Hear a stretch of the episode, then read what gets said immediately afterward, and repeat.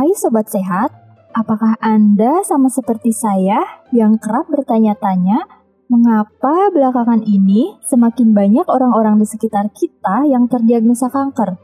Apakah benar gaya hidup memang menjadi pemicunya? Atau justru pola makan yang tidak seimbang dan serba instan menjadi masalah utamanya?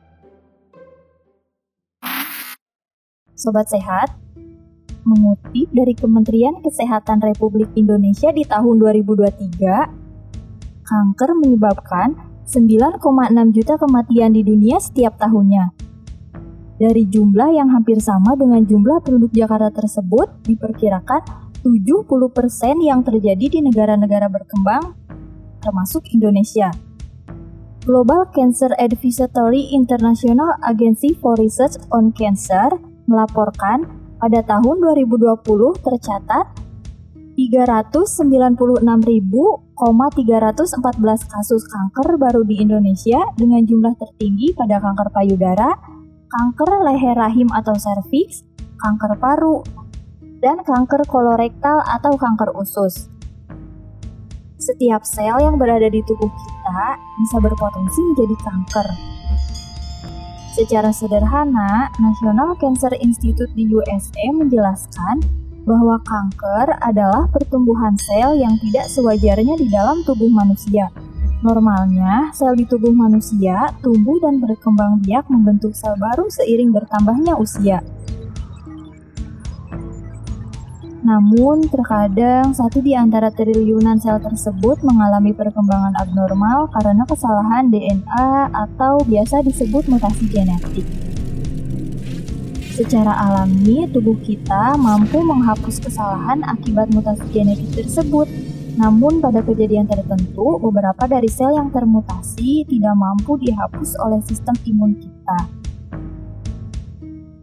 Sel mutasi ini tumbuh berlipat ganda dan tidak terkontrol, bahkan mampu berpindah ke organ tubuh lain. Nah, inilah yang kita sebut dengan metastasis sel kanker. Berdasarkan data BPJS, kanker merupakan penyakit yang menelan biaya tertinggi nomor 2 setelah penyakit jantung. Biaya ini termasuk biaya pengobatan, perawatan, dan fasilitas pendukung lainnya yang dibutuhkan oleh pasien kanker.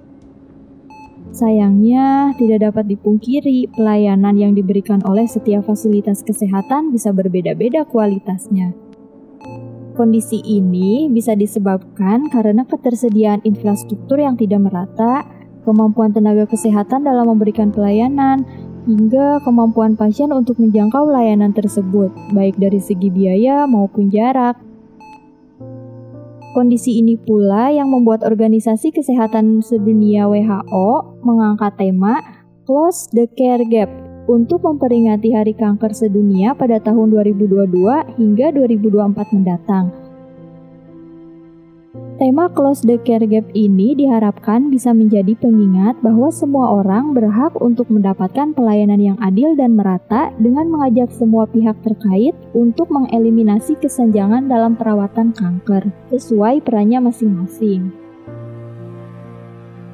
Tema Close the Care Gap ini diharapkan bisa menjadi pengingat bahwa semua orang berhak untuk mendapatkan pelayanan yang adil dan merata dengan mengajak semua pihak terkait untuk mengeliminasi kesenjangan dalam perawatan kanker sesuai perannya masing-masing. Jika tahun lalu melalui kampanye ini WHO mengajak masyarakat untuk menyadari masalah apa saja yang dialami oleh setiap pasien kanker dalam masa perawatannya, maka pada tahun 2023 ini organisasi tersebut mengajak kita untuk mengambil tindakan-tindakan kolaborasi yang bisa mendukung kesetaraan dalam perawatan kanker. Karena seyogianya para pasien kanker tidak hanya menerima dukungan dari keluarga, tetapi juga dari lingkungan sosial di sekitarnya. Berikut adalah beberapa hal yang bisa kita lakukan untuk mendukung para penyintas kanker dan mengeliminasi kesenjangan pelayanan kanker di sekitar kita. Pertama, melakukan upaya-upaya pencegahan atau preventif. Sobat sehat, tahukah Anda hampir 30-50% kanker dapat dicegah dengan mengubah perilaku hidup kita? Kementerian Kesehatan Republik Indonesia mendorong masyarakat untuk menerapkan perilaku hidup cerdik. yaitu cek kesehatan secara rutin, enyahkan asap rokok, rajin melakukan aktivitas fisik, diet gizi seimbang, istirahat yang cukup, dan kelola stres dengan baik. Mari kita bahas lebih lanjut satu persatu ya. Yang pertama, cek kesehatan secara rutin. Melakukan deteksi dini seperti pap smear, pemeriksa payudara sendiri atau sadari, mamografi, tes darah samar, periksa kulit sendiri atau sakuri, periksa mulut sendiri atau samuri, dan cek berkala untuk kemungkinan kanker lainnya bisa dilakukan secara rutin, berkala, dan tanpa menunggu adanya keluhan. Selain melakukan deteksi dini pada diri sendiri, ajaklah anggota keluarga atau para sahabat yang berisiko kanker. Pendampingan dari orang-orang terdekat saat melakukan pemeriksaan akan memberikan kekuatan emosional. Lalu yang selanjutnya, yang kedua, yaitu enyahkan asap rokok. Asap rokok tidak hanya berbahaya bagi pengisapnya, tetapi juga bagi orang-orang di sekitarnya. Tidak ada usaha lain yang bisa melindungi kita dari paparan asap rokok selain berhenti merokok. Jika sobat sehat masih kesulitan berhenti merokok, coba alihkan pikiran Anda dengan melakukan kegiatan lain seperti berolahraga. Hal ini juga berhubungan dengan perilaku cerdik. Sobat sehat, WHO merekomendasikan untuk melakukan aktivitas fisik setidaknya tiga kali seminggu dalam komunitas dan keluarga. Ada beragam aktivitas dengan intensitas tinggi, sedang, dan ringan yang bisa Anda pilih. Untuk aktivitas fisik dengan intensitas tinggi, Anda bisa melakukan aerobik, berenang, tenis, maupun lari.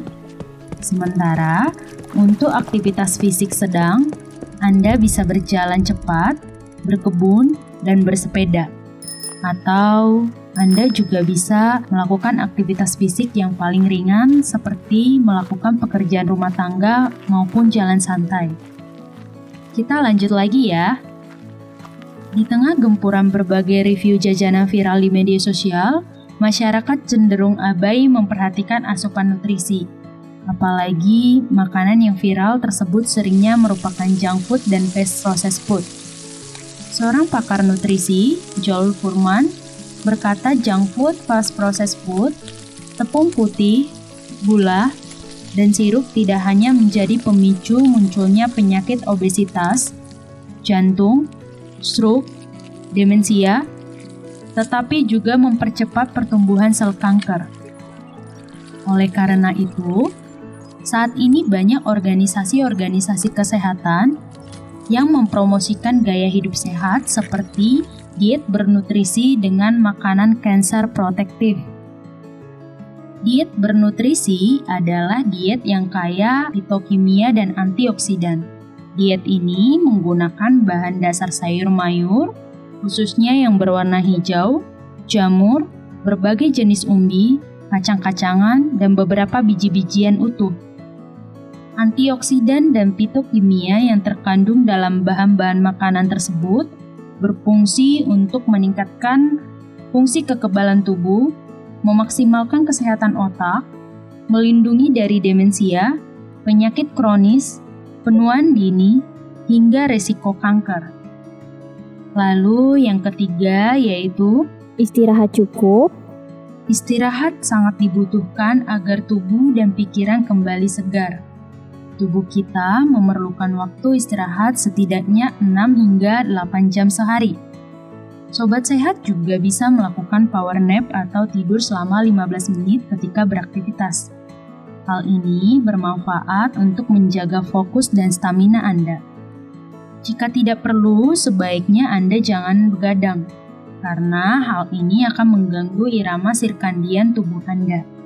Irama sirkandian adalah fungsi otak yang mengatur rutinitas keseharian tubuh, termasuk tidur dan melakukan aktivitas biologis lainnya. Lalu yang keempat yaitu kelola stres. Kelola stres dan rasa cemas dengan membicarakan keluhan dengan seseorang yang dapat dipercaya.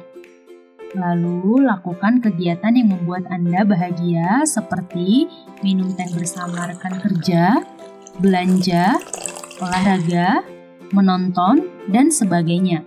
Jika stres atau rasa cemas sudah tidak bisa ditangani sendiri, mintalah bantuan dari para ahli. Upaya lainnya yang bisa sobat sehat lakukan adalah memberikan atau menyediakan perawatan paliatif kepada para penyintas kanker. WHO mendefinisikan perawatan paliatif sebagai pendekatan yang dilakukan untuk meningkatkan kualitas hidup pasien dan keluarganya dalam menghadapi masalah penyakit yang mengancam jiwa. Perawatan paliatif ini dilakukan untuk upaya pencegahan dan mengurangi gejala kanker. Perawatan paliatif dapat meningkatkan kualitas hidup dan memberikan masukan positif dalam perjalanan penyakit pasien. Hal ini termasuk memperdulikan perasaan para penyintas kanker dengan cara memotivasi dan tidak menakut-nakuti. Jadi, daripada mengatakan, "Kok kamu bisa sekuat dan seceria ini ya menghadapi kanker sendirian. Kayak kelihatan orang gak sakit kanker tahu. Tetanggaku yang kena kanker, kemarin dia meninggal. Tapi, coba Anda katakan. Maaf ya, udah buat kamu melalui masa-masa ini sendirian. Kalau kamu butuh teman cerita, aku siap buat dengerin dan ngebantu saat kamu butuh bantuan.